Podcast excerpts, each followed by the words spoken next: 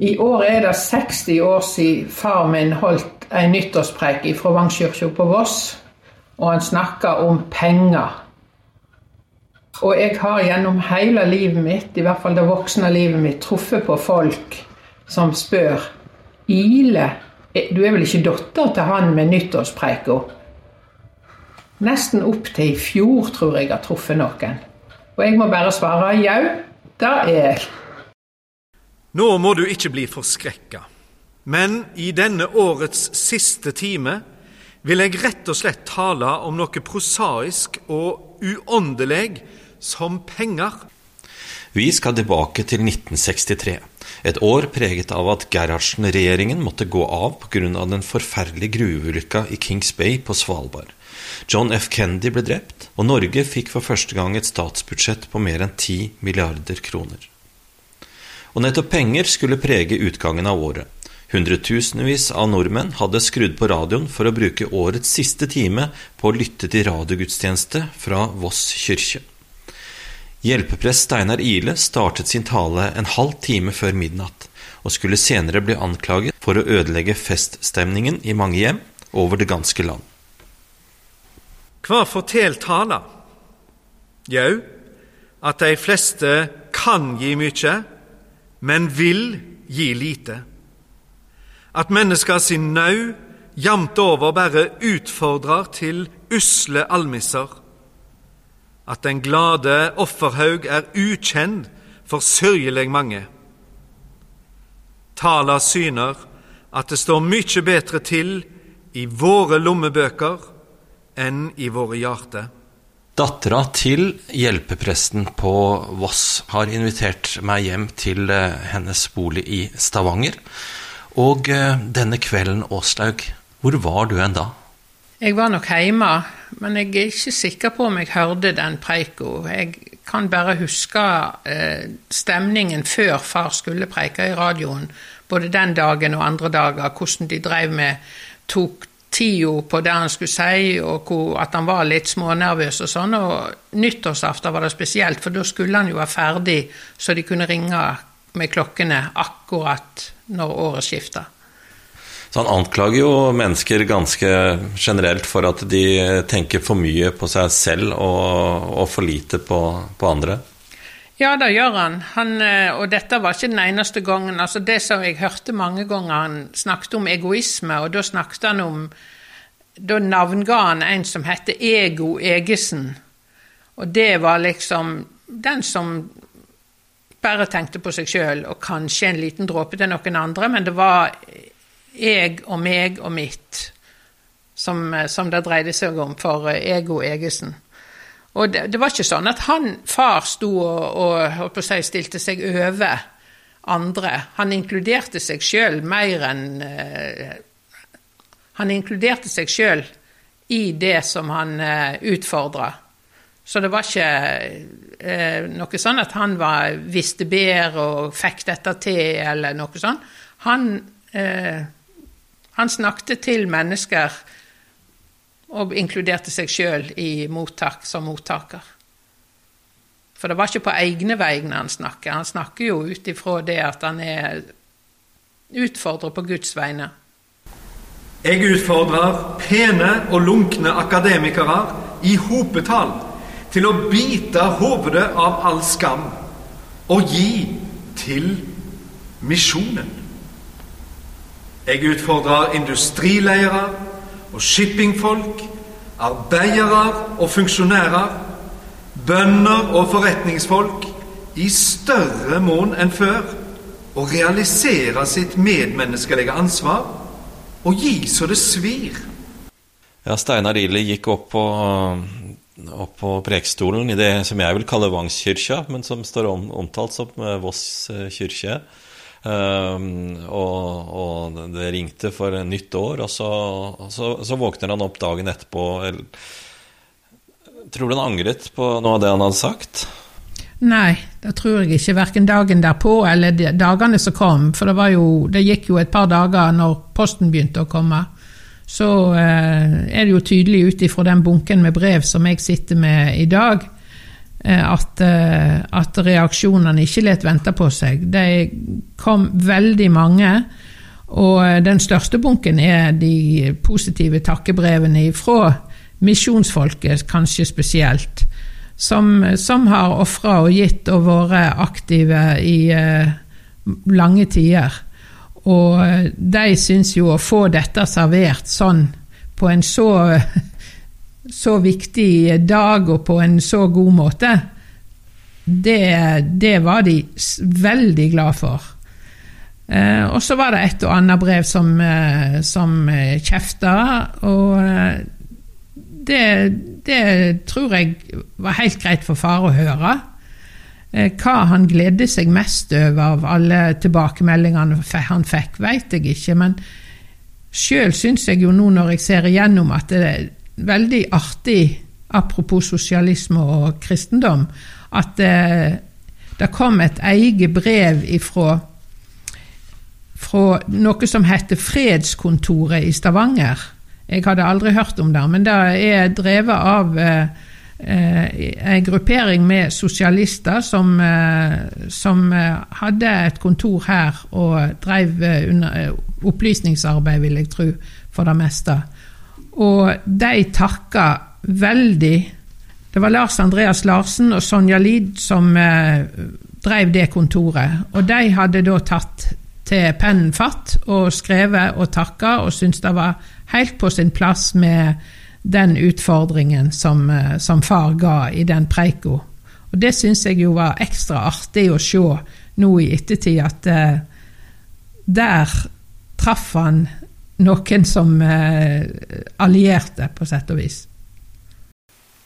Du har jo eh, fått overlevert veldig mye av det som eh, kom den gangen. Både aviser, avisutklipp eh, og brever. Både med takksigelser og, og, med noe kjeft. Det var jo eh, noe som kom fra Alex Jonsson, som vel var en, en ganske god kamerat av, av faren din?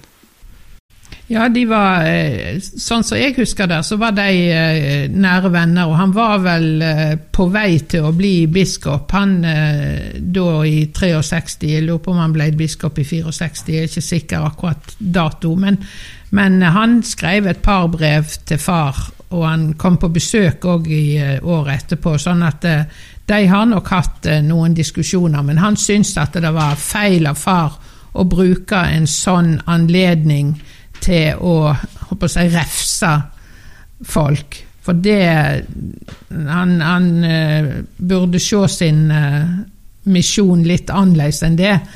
Pluss at han vel òg etterlyste uh, en tekst å tale ut ifra. Far gikk jo bare rett på ei preik der, og så siterte han vel noe om givertjeneste og sånn i løpet av preika, men som ifra Paulus brev og noe tror jeg det var. Men, eh, men, det var liksom ikke en tekst som du las først, og så preikte. Han gikk rett på ei preik. Og det, det mente Alex Jonsson at det, det skulle han ikke gjøre. Han var vel rektor på praktikum på TF, han da, tror jeg. Så han, det var jo praktikum han drev, så han hadde noe med preiker å gjøre da. Ja, og det brevet som han, eh, som han skriver her 11.1.1964, eh, så, så går det tydelig fram at uh, denne talen blir diskutert uh, i, også i liksom mer sånn profilerte kretser i, i Oslo, da.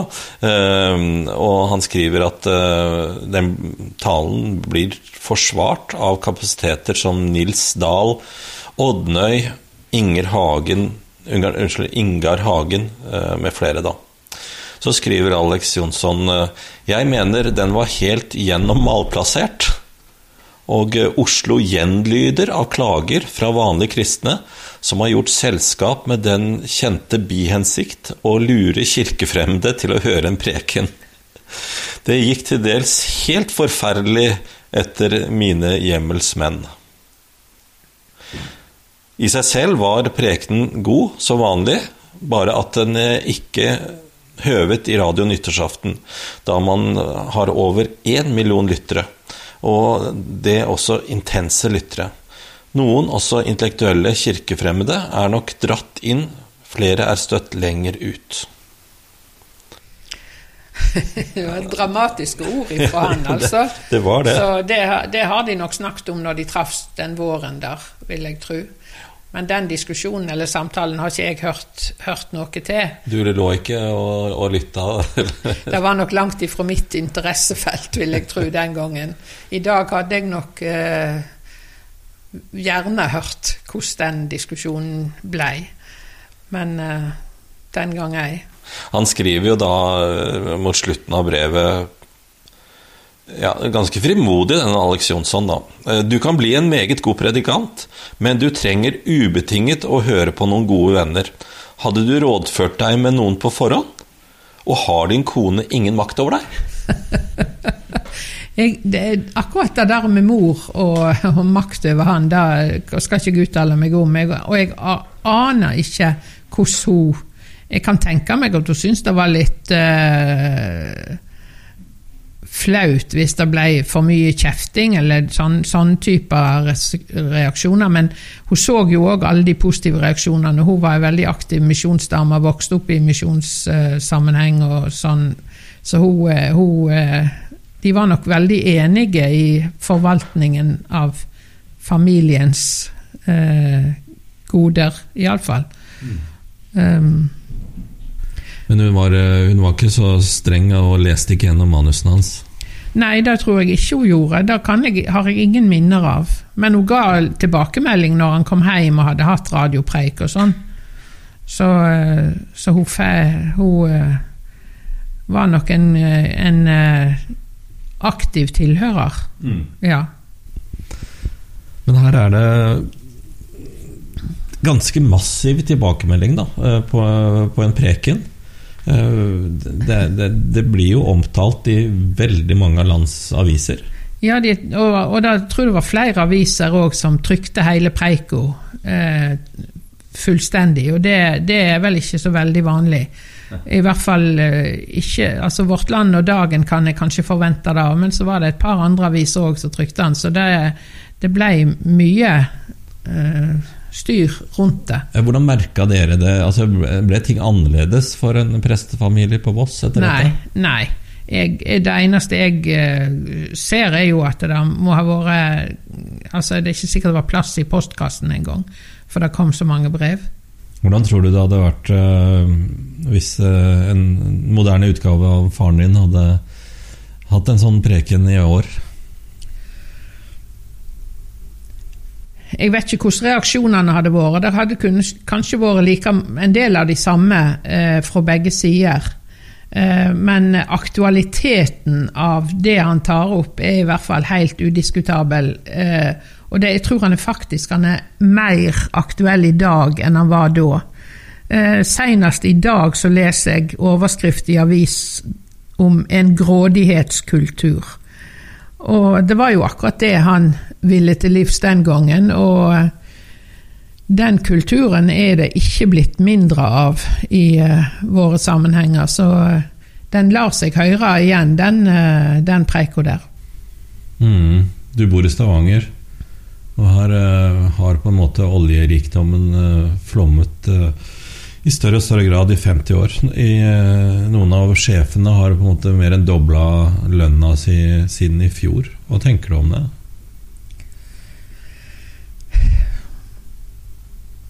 Nei, jeg, jeg har alltid undra meg på at det skal være så stor forskjell på det som kommer i Det er ikke lønningsposer vi har lenger, men altså det det folk sitter igjen med av en innsats. Selvsagt skal det være litt forskjell ut ifra ansvar og alt mulig sånn, men uh, vi er jo bare ett et individ som har én mage som skal mettes.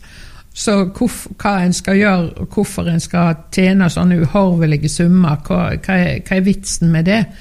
Eh, da snakker jeg veldig på individnivå. Jeg har ikke veldig mye greier på næringspolitikk, men, eh, men at at det skal være så stor forskjell på folk.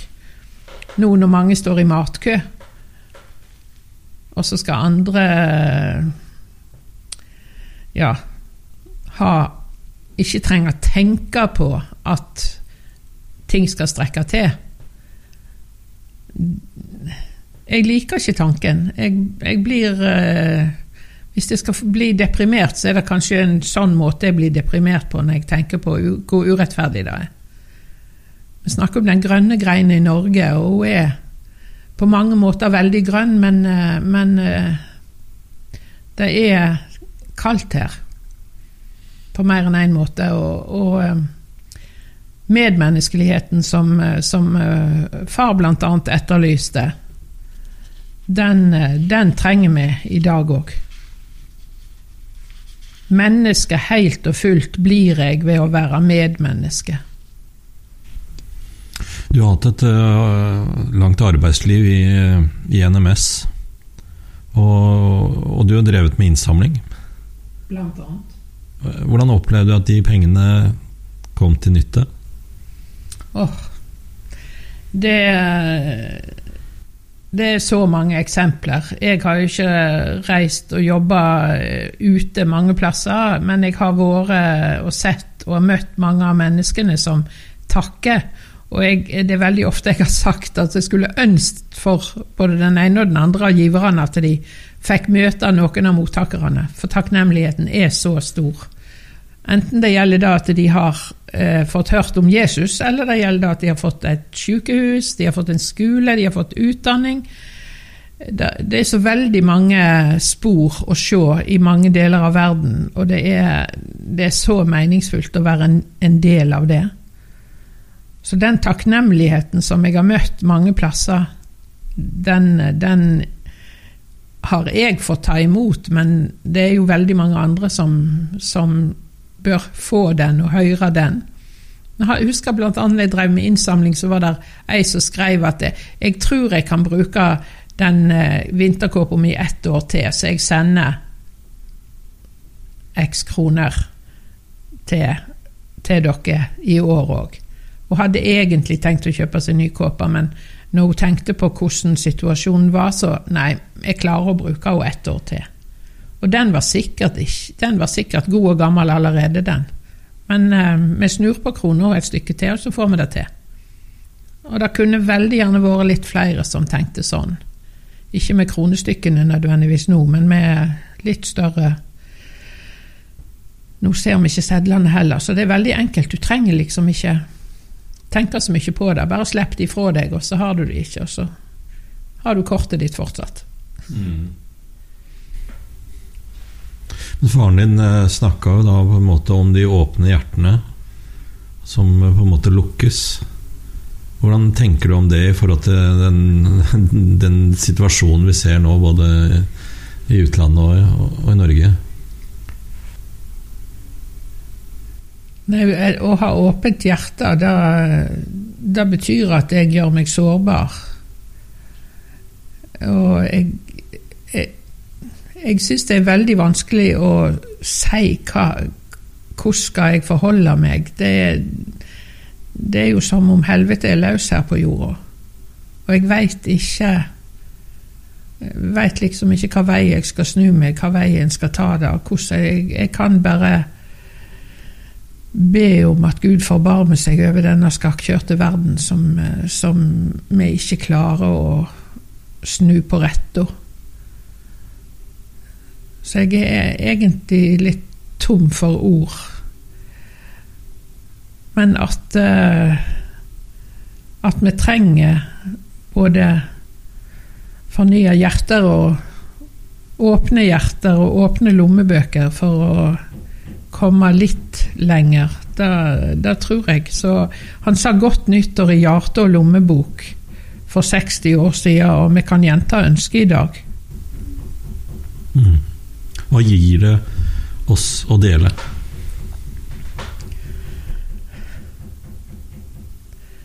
Jeg snakket nettopp om takknemlighet, så da, takknemligheten får vi jo tilbake. Men eh, eh, det er faktisk sånn at eh, jeg òg blir takknemlig for at jeg har noe å dele.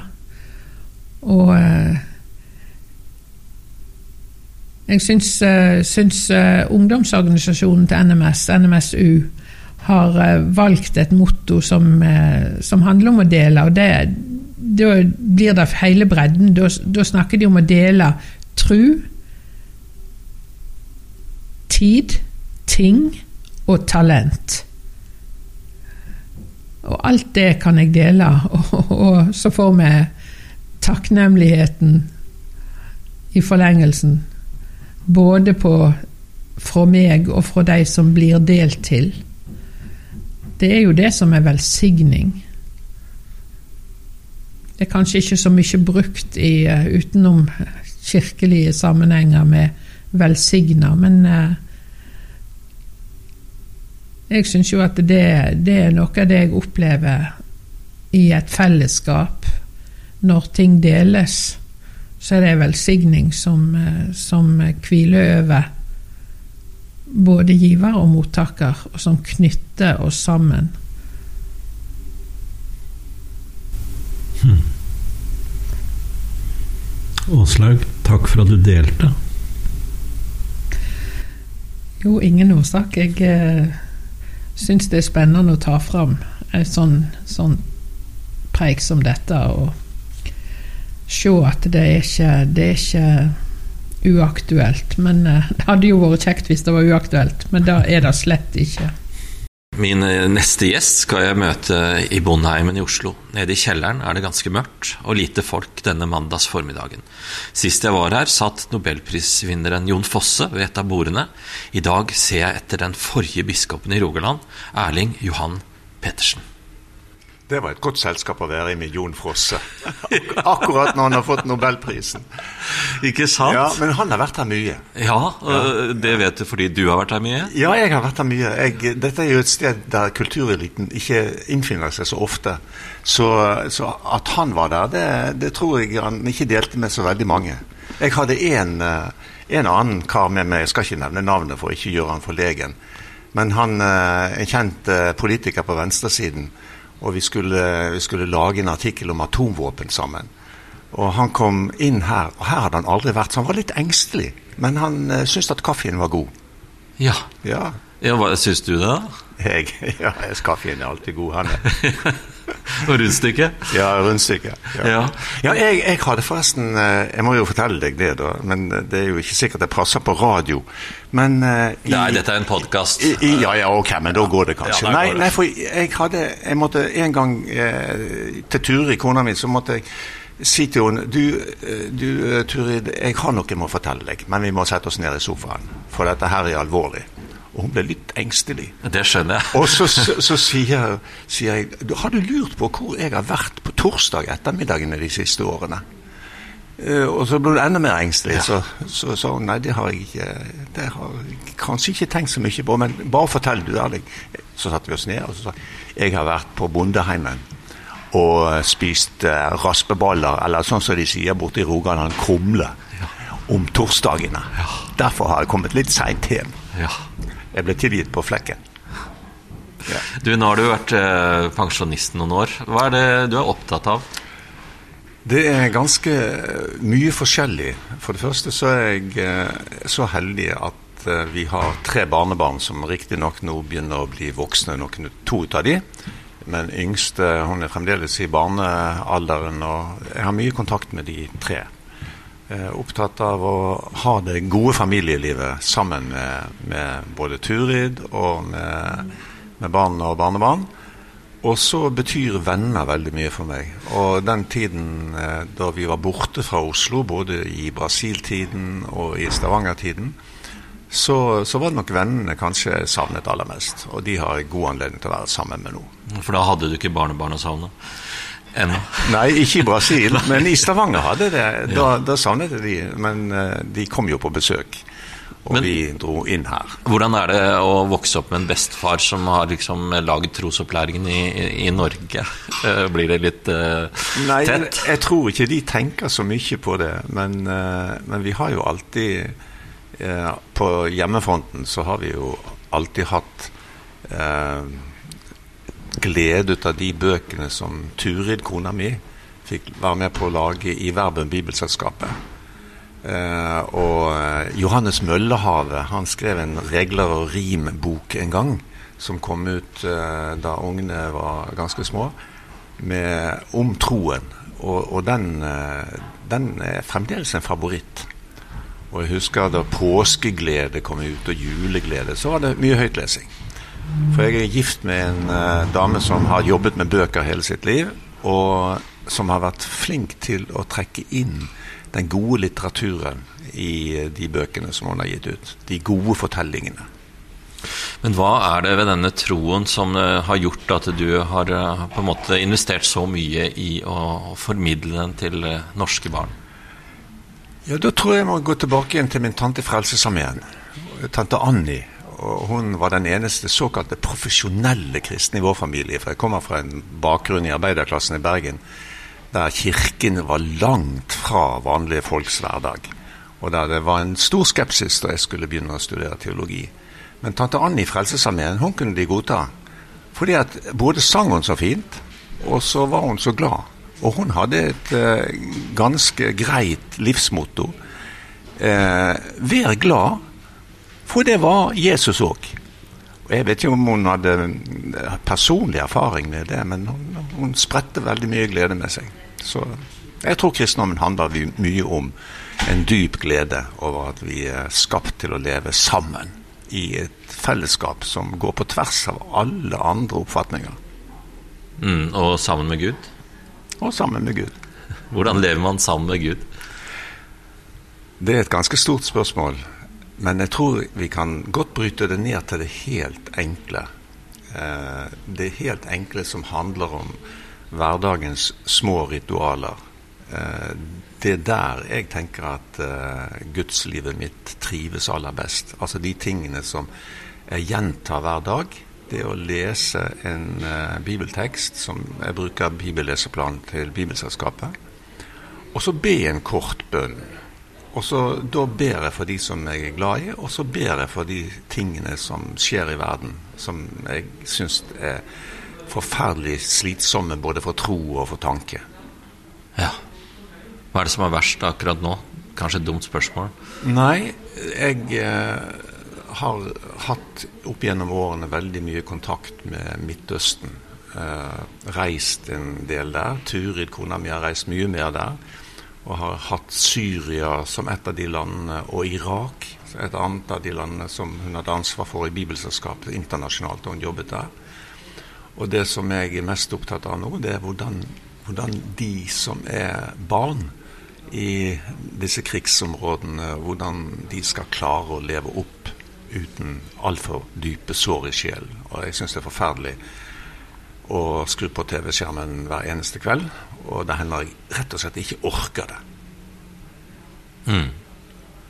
Og Hjelper det oss å, å, se det?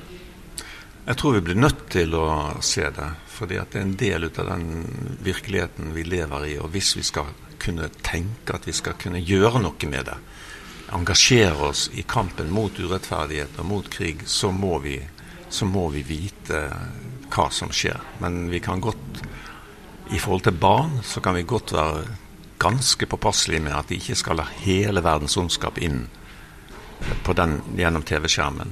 Eh, og i hvert fall passe på at de bør de minste barna bli skjermet. Hvordan greier du å se på den eh, Altså Syns du det er en enkel konflikt å forstå? Eller å øh, ja, ja, Hvem har skylda i dette, her, hvis man spør om det, da? Det tror jeg er nesten helt umulig å svare på. Men det er ikke mange ukene siden vi hadde besøk eh, i eh, Norge flere steder av eh, en bispekollega av meg fra Jordan og Det hellige land, Monib Jonan. Eh, og han er sjøl kristen palestiner som eh, ble plukket opp av noen gode mennesker og fikk en teologisk utdannelse i Finland, han snakker flytende finsk. Det hjelper ikke meg mye. Men han, eh, han er, eh, har i mange år vært eh, en veldig viktig stemme for det, de undertrykte palestinerne. Og da han var her, så opplevde jeg at vi fikk eh, oppleve veldig sterkt eh, at eh, det nytter å kjempe mot urett. Fordi at han sa at hvis vi gir opp håpet, så har vi tapt. Så han snakket til oss om det kristne håp, om å tro at Gud faktisk står på livets side, selv om vi bare er omgitt av ødeleggelse. Det, det, trengte jeg å høre, og det tror jeg mange av oss trengte å høre da. Men jeg syns det er helt utrolig at, at, en mann som lever midt i det palestinske helvete som krigen er der nede, kan komme til oss og fortelle oss om. Mm. Men også denne krigen eh, Vi skal jo snakke litt om, eh, om eh, å gi i mm. dag. Mm. og det å, og om vi gir nok. Mm. Om vi deler. Mm. Og også den konflikten i Israel-Palestina handler jo om ressurser mm. i, i bunn og grunn. Jeg husker for lenge, lenge siden. Johan Galtung. Eh, det var første dagen jeg var på Universitetet i Oslo omtrent, hvor han hadde et foredrag om løsningen på konflikten i, i Palestina. Hva sa han da? Han sa han hadde tolv punkter som måtte gjennomføres. Ja. Og det øverste var rettferdig fordeling av vann. Mm. Mm. Så dette handler om fordeling, og det er jo på en måte fordeling vi skal snakke om nå. Eh, det var en hjelpeprest i Vangskirka på Voss som, eh, som gikk på talerstolen og snakka til hele Norge nyttårsaften 1963. Og han var ganske eh, Ja, han var ganske brå. Han het Steinar Ile. Han het Steinar Ile. Du kjenner han litt, du? Nei, jeg kjenner ikke han personlig, men han var jo en, en del ut av de forkynnerne som var med å gi oss som var unge i Bergen på 60-tallet, en forståelse av at, uh, at uh, kristen forkynnelse handler om mange ting. For å si det enkelt. enkelt og vanskelig, vil jeg si. Det skjønte jeg ikke noe av. Nei, men han, han, han, var på samme Du kan si han, han hadde et språk om himmel og helvete som var et ganske ramsalt språk. Og for en som meg, som er vokst opp i en, eh, i en, i en familie der, der, kristen tro handlet om at du har en Gud som faktisk er glad i deg uansett hvordan du er, eh, så, så, var det Og, og det kjærlighetsbudskapet som ble formidlet inn i, inn i vår familie av tante Annie, som var slumsøster i Frelsesarmeen i Strømgaten i Bergen, så var det et ganske stort sjokk å havne på skolelagsleir i Øystesea og høre en domsforkynnelse som jeg fikk høre som 15-åring. Og da jeg kom hjem igjen derfra, så, sa, så, så min mor at det var noe i veien. Jeg fortalte henne hva, hva, hadde, hva, jeg hadde blitt utsatt for der. Og da sa hun nå tror jeg du skal gå og ta, snakke litt med tante Annie. Tante Annie var da min slumsøster tante, som jeg fortalte det til, det jeg hadde hørt om domsforkynnelsen. Og så sa hun bare det der kaller ikke jeg kristendom. Glem aldri hva som skjedde den 29. april i 1950. Og jeg visste jo det. Det var den dagen jeg ble døpt. du ble døpt. Det holder, sånn. Ja. Mm. Men det Steinar Ile snakket om den uh, kvelden der, en, en, halvtime før midnatt på nyttårsaften, mm. det var jo at uh, vi tenker for mye på oss sjøl. Og vi må begynne å tenke på, på, andre, og vi må gi av det vi har i lommeboka, til eh, andre. Hva tenker du om budskapet? Ja, altså, jeg, jeg, er jo oppdratt eh, hjemmefra. Eh, fra en familie som hadde lite penger, med en mor som jobbet som fabrikkarbeiderske på vaskeri, og en far som kjørte buss og lastebil og drosje. Så har jeg vokst opp med det at vi skal dele av det vi har. Og med en tante i Frelsesarmeen så er det jo helt klart og en filletante, tante Ruth, som var slumsøster også, så er det jo helt klart at uh, det å være kristen, det handlet om at du skal dele med de andre. Og uh, for oss så var det en uh, opplevelse som jeg husker veldig, veldig godt. Det var, det var en høst vi hadde fryktelig dårlig råd hjemme. Seks unger eh, og før på, og dårlig betalt som sjåfør og, og som eh, vaskeriarbeider på Skjøts vaskerier, som mor var. Og da lå det plutselig en konvolutt med 50 kroner i, i postkassen vår. Uten noe brev eller noen ting. Og, eh, og, og det, det, reddet liksom den uken, eller kanskje den måneden. Jeg vet ikke hvor, hvor, mye det hjalp, men det var 50 kroner den gangen var veldig mye penger. Det var en tusenlapp, tenker jeg. Ja, og, og det var i hvert fall sånn at, uh, at uh, mor og far de, de, klarte å ta imot det. Og det var en hjelp for dem. Men, men, men mor hadde en veldig enkel forklaring til oss uh, unger som, uh, som, jeg aksepterte ganske godt. Hun sa jeg tror det var en engel som puttet han i postkassen. Jeg, faktisk. Og den engel vet jeg ikke navnet på i dag, men hun var kanskje en av naboene våre som hadde litt mer enn oss. Hva, hva, hva, tenker du hvis du hadde sittet og hørt denne nyttårsprekenen om å åpne lommeboka eh, på en ganske direkte måte? Hvordan hadde du reagert? Jeg ville nok sagt eh, at jeg skjønte godt hva, hva soknepresten mente. Hjelpepresten? Hjelpepresten var han vel kanskje den gangen. Han ble sokneprest i Alversund senere. Men det han, det han mente, det var at vi skulle dele av vår overflod Eh, for vi hadde nok å dele, og det tror jeg jeg ville eh, satt fire gode streker under i dag også. Men hvordan er det med å preke moral? Eh, hvordan erfaringer har du med å på en måte prøve å ja, ja, endre folks øh, vaner fra prekestolen? Nei, det vet jeg ikke om jeg har vært så, så, god til, egentlig. Men jeg lærte i hvert fall én ting i den tiden vi jobbet i Brasil som misjonærer og det var å være veldig konkret i forkynnelsen når det gjaldt eh, det å dele. Så i adventstiden i Brasil så kom Og det var ikke mitt forslag, men det var menighetens eget forslag. Så var hver eneste adventssøndag eh, den for, meg, for, min del bestod det i å ta de pakkene som de hadde kommet og, og lagt på det det vesle trealteret som vi hadde, og kjøre rundt til folk i slummen og dele ut til de som trengte det mest. Og de som ga dette, de var jo fattige sjøl også, men de ga av det som de hadde trengt sjøl. Og så kjørte vi rundt på ettermiddagene, på søndagsettermiddagene og delte det ut til de som hadde aller minst. Og Det var en veldig viktig leksjon for meg i hva det vil si å være kristen. Det betyr å dele av det som du har fått av Gud. Og det man nesten ikke har. Og det man nesten ikke har. Og vi har jo, veldig mange av oss som lever i Norge i dag, har jo i, i overflod. Ikke sant. Jeg har bare lyst til å høre litt med deg, fordi, øh, hvorfor du ble misjonær og reiste til Brasil? ja, da, da, må jeg jo si Mangarano. Det vet kanskje ikke du hva jeg er, og ikke så mange av de unge vet det i dag heller. Men jeg vokste opp eh, på Melkeplassen, arbeider, et arbeiderstrøk i Bergen. Og i turnhallen var det dans på lørdag kvelden.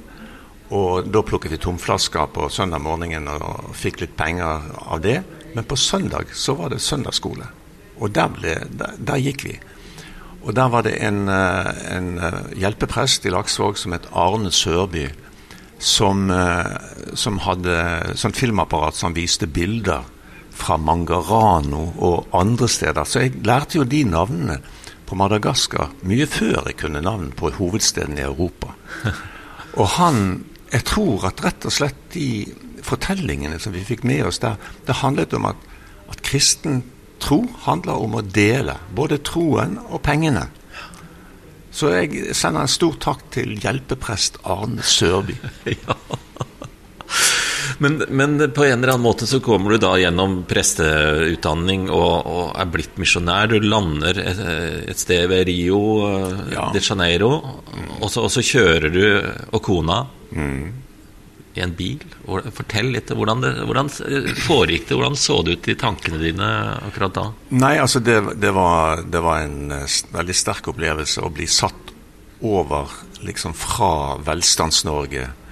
Og på den reisen som vi kom, særlig når vi kjørte fra Rio til Sao Paulo, så videre ned og handlet eh, i uh, det slumområdet der vi skulle jobbe, så var det et fantastisk vakkert land det, var, det, det, må jo være et av verdens vakreste land. Og når vi da kom ut i eh, det stedet der vi skulle arbeide, så, så var jo det en, eh, et ganske stort sjokk på en måte. Fordi vi var jo ikke vant til eh, fattigdommen i den utskaven, i den, i den, formen som vi møtte det der. Det Hvordan så det ut i gatene? Altså I slummen, helt ytterst i slummen, der, det, der, kan du knapt snakke om gater. Der var det Men, men i, der vi bodde, så var det så var det relativt Ja, det var eh, Jeg vil ikke si det at det var akkurat så velstelt, men det, det, var, det var ikke den rene slum. Der tror jeg rett og slett ikke jeg hadde klart å bo. For de menneskene vi eh, hadde i menigheten, var veldig mange som bodde uten elektrisitet, uten, uten rent vann. Og hvordan de klarte seg i hverdagen, det var et mysterium for oss til å begynne med. Helt til vi oppdaget det, at den grunnen til at de klarte seg, var at de hadde, hadde visste om kunsten å dele. Så hvis det var en som hadde en gris, og den ble slaktet, så spiste de jo opp den i løpet av eh, ganske kort tid, for de hadde jo ikke kjøleskap og ikke fryseboks. Men eh, de inviterte inn alle som kunne komme. Men neste gang det var noen som hadde en gris å slakte, så ble jo de invitert inn der også. Så de fattige hadde en enorm eh, flott evne til å, til å leve livet ut fra parolen om at hvis du deler, så har du nok. Ja. Det var uh, Menigheten der var noe sånt som tolv damer. Uh, til, å, til å, begynne med var det tolv ja. damer. Men det så, var en bibelgruppe som hadde ja. holdt sammen i ganske mange år. Og de tolv damene de hadde ett stort ønske, og det er at vi skulle begynne å jobbe med gatebarna i mm. den bydelen. Og det gjorde vi jo også. Det, gikk, det, var et arbeid som var noe av det mest spennende Ture jeg har fått vært med på. Ture var den som ledet av denne kvinnegruppen som, som, begynte med gatebarnsarbeid. De tolv disiplene? Ja, de tolv disiplene. Ja, de, det var Donna Anna, hun eldste av disse damene, hun var for meg et sånn mønster på det som det var å ta ansvar. Hun hadde så lite hjemme. Men hun visste at hadde hun to kilo mel, så skulle hun gi det ene bort, den som ikke hadde noe. Ja. Så det var en sånn leksjon i hva det vil si å leve eh, som kristen i hverdagen. Men da bestemte dere dere for at dere skulle satse på barna. Ja. Og det er jo trosopplærer ja, Pettersen eh, ja, gjenkjennbart på en måte. Men, men hvordan, hvordan, gjorde dere det? Nei, Vi begynte først med en, en barnegruppe på en åtte-ti barn, eh, og oppdaget jo veldig fort at eh, det var ikke nok med bibeloppundervisningen. De trengte rett og slett å lære å lese. Så vi begynte med alfabetiseringskurs, og etter hvert så vokste dette arbeidet til det som ble da Kirkens eget gatebarnsenter. Der de kom og fikk eh, to varme måltider, og de fikk dusje, og de fikk eh, Ikke minst så fikk de oppleve at det var noen som, eh, som virkelig brydde seg om dem. Ja. Og som de, de, fikk et fang å sitte på, og de fikk hender som holdt rundt dem. Så det var en, eh, en, eh, opplevelse av en menighet som virkelig fungerte sånn som den skulle. Ja, For det er noe av det jeg husker fra boka di 'Gud sett nedenfra'. Ja. Det var jo de barna som på en måte kom dit og ble helt sånn himmelfalne over at det var noen voksne som ville de vel. på en måte. Ja, ja. Mange av disse barna hadde jo opplevd eh, vanskelige ting. Eh, Simone, en av de jentene som, som, vokste seg sterk i løpet av de årene. Hun var seksuelt misbrukt i løpet av sin oppvekst. Og eh, jeg husker eh, en av de eldre damene, Aurina, som hadde et fang som var stort som bare det. Hun satt med denne vesle jenta på fanget og bare holdt henne tett inntil seg. Og det var det, det, var det Simoni trengte. Mm. Noen som kunne holde uten å misbruke. Mm. Bare fullt av god omsorg og kjærlighet. Så jeg mm. opplevde hver eneste dag så opplevde jeg at jeg så liksom kristentroen i praksis rundt meg gjennom disse damene som var uten utdanning, mange av dem, men som hadde masse kjærlighet, og som visste hvorfor de gjorde det de gjorde. Jeg fikk liksom, Det var jo et gudsbilde, akkurat det du beskrev der, med det ja. fanget. ja, men det er jo det. Mm. Uh, så at troen vår fikk veldig, veldig mye eh, nytt innhold mm. eh, gjennom den tiden, det, det, vet jeg helt sikkert. Og det har vært med på å forme oss og gi oss veldig mye. Så jeg er veldig takknemlig eh, over at jeg har fått lov til å oppleve noe sånt. Mm. Du har jo vokst opp eh, altså Du er født i 1950 og har levd i den lengste oppgangstiden i verdens historie og i det rik, etter hvert rikeste landet. Hva har, hva har, denne velstandsøkningen gjort med oss, uh, som du ser det? det, det syns jeg også er et veldig vanskelig spørsmål, for det er lett å bli moraliserende. Det er lett å sette seg bare på sin høye, høye hest og så ta avstand fra mye av det som, som uh, skjer rundt en. Men jeg tror det er kanskje velstanden har tatt fra oss noe av det som, som uh, vi hadde levende og nært på 50-tallet, da, da jeg vokste opp. Nemlig uh, at vi kunne se at det var noen som trengte det vesle vi kunne gi, og, som, og at, at, folk virkelig brydde seg om å dele det de hadde. Sånn var det i hvert fall jeg opplevde å vokse opp i arbeiderstrøket på Melkeplassen. Det var mye god praktisk omsorg mm. hos naboene våre. Mm. Du, og det var Vi hadde en veldig klar eh, klar holdning hjemme hos mor og far om at eh, det fins folk som ikke har det så godt som oss. Og vi var, hadde jo ikke mye, men vi skulle dele det vi hadde. Mm.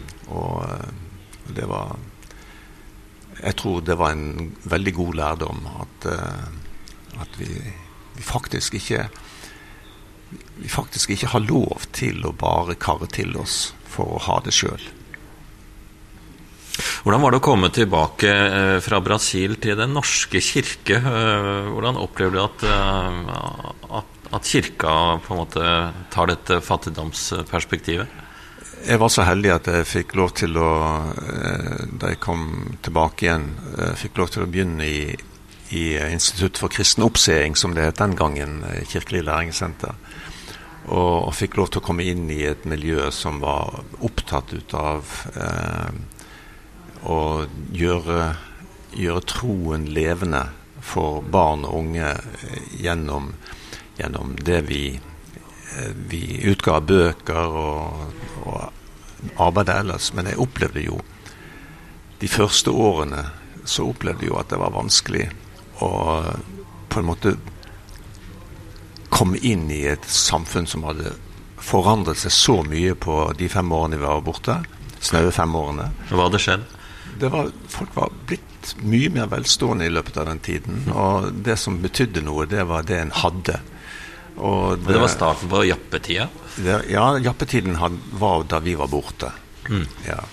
Og, og, det var en eh, Det var en ganske sterk opplevelse å komme tilbake igjen og se hvor mye dette landet hadde utviklet seg. Eh, både når det gjaldt biler, ikke minst, og når det gjaldt hus, og når det gjaldt synet på, på, på velstand. Altså, det var, var, jeg syns det, det, var problematisk. Men Hva med de 30 åra som har gått siden det, da? Det har jo bare fortsatt, på mange måter. Nei, jeg, jeg synes jo det at uh, det som hjelper oss til å, til å holde perspektivene uh, fra den tiden levende, det er møtet med mennesker fra andre deler av verden som, som lærer oss det.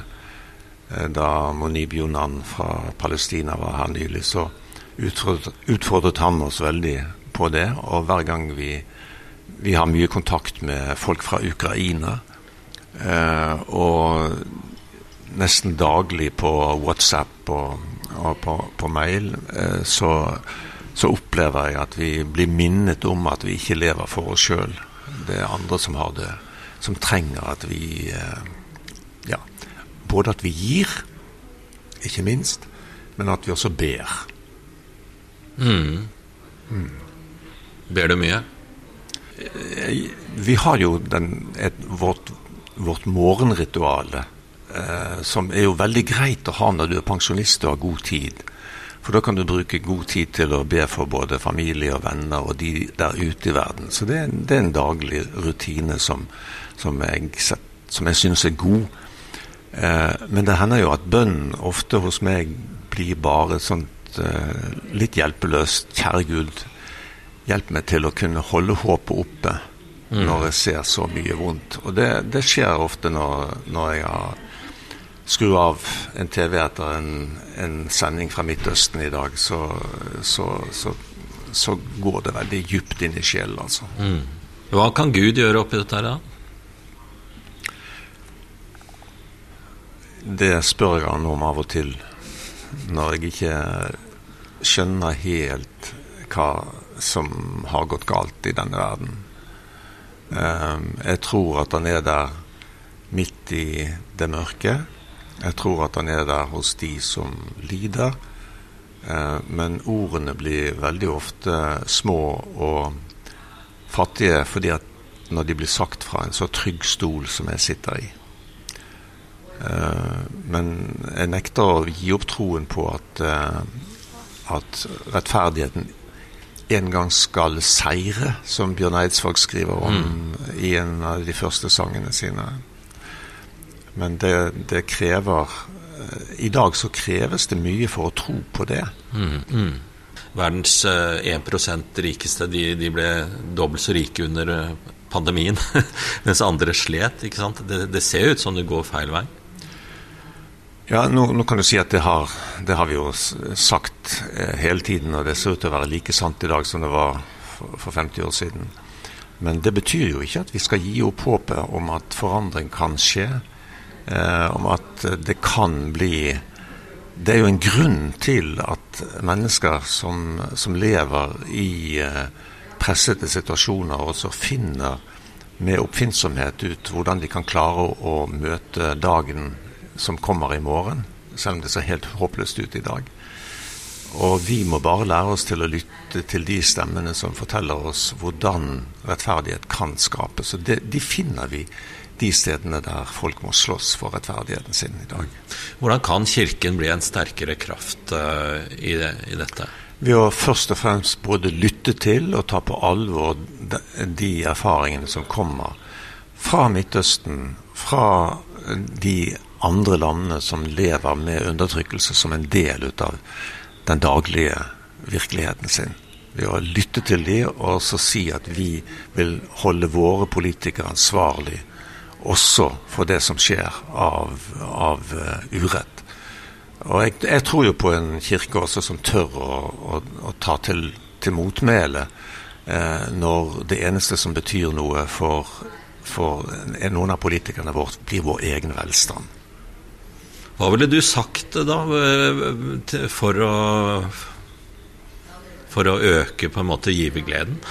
eller gleden eller viljen til å dele. Vi har tross alt en økonomisk situasjon i Norge som er helt unik? Ja, da tror jeg det handler om å kunne tegne bilder av eh, en, en, verden der, eh, der, virkeligheten er veldig ulik vår, og kunne gjøre det på en måte som kan bevege folk til å prioritere ressursene sine på en annen måte. Jeg tror rett og slett at uh, det må tas opp også helt konkret i forkynnelsen. En skal ikke være tilbakeholden med å kunne, kunne preke også og forkynne, forkynne, om det som handler om, uh, om den uretten som også, også, kunne synge i trass at en dag skal rettferdigheten seire. Det, jeg tror at rett og slett dette må vi våge å ta opp på Kirkens prekestoler og i konfirmantundervisning og i de sammenhengene der Kirken har en stemme. Hmm. Takk for at du var eh, med på Bondheimen i dag. Takk for at jeg fikk lov til å snakke med deg. Hva ligger i dette ønsket? Det ligger for det første at jeg vedgår mitt trange og knuslete hjerte. Hvordan har eg vel ikkje, i året som gikk, degga og dulla for mitt feite og glinsende og bortskjemde eg? Hvor ofte har eg ikkje stengt mitt hjerte for andres nau, med en lusen tikroner og kanskje attpåtil gitt meg av med å deklamere idealitet og nestekjærleik? Og hva kunne jeg ikke ha gitt? og gjort om jeg hadde villa. Men jeg ville ikke. Takk til Lars Sigurd Kjelle, som har gitt stemme til Steinar Iles nyttårsaften 1963.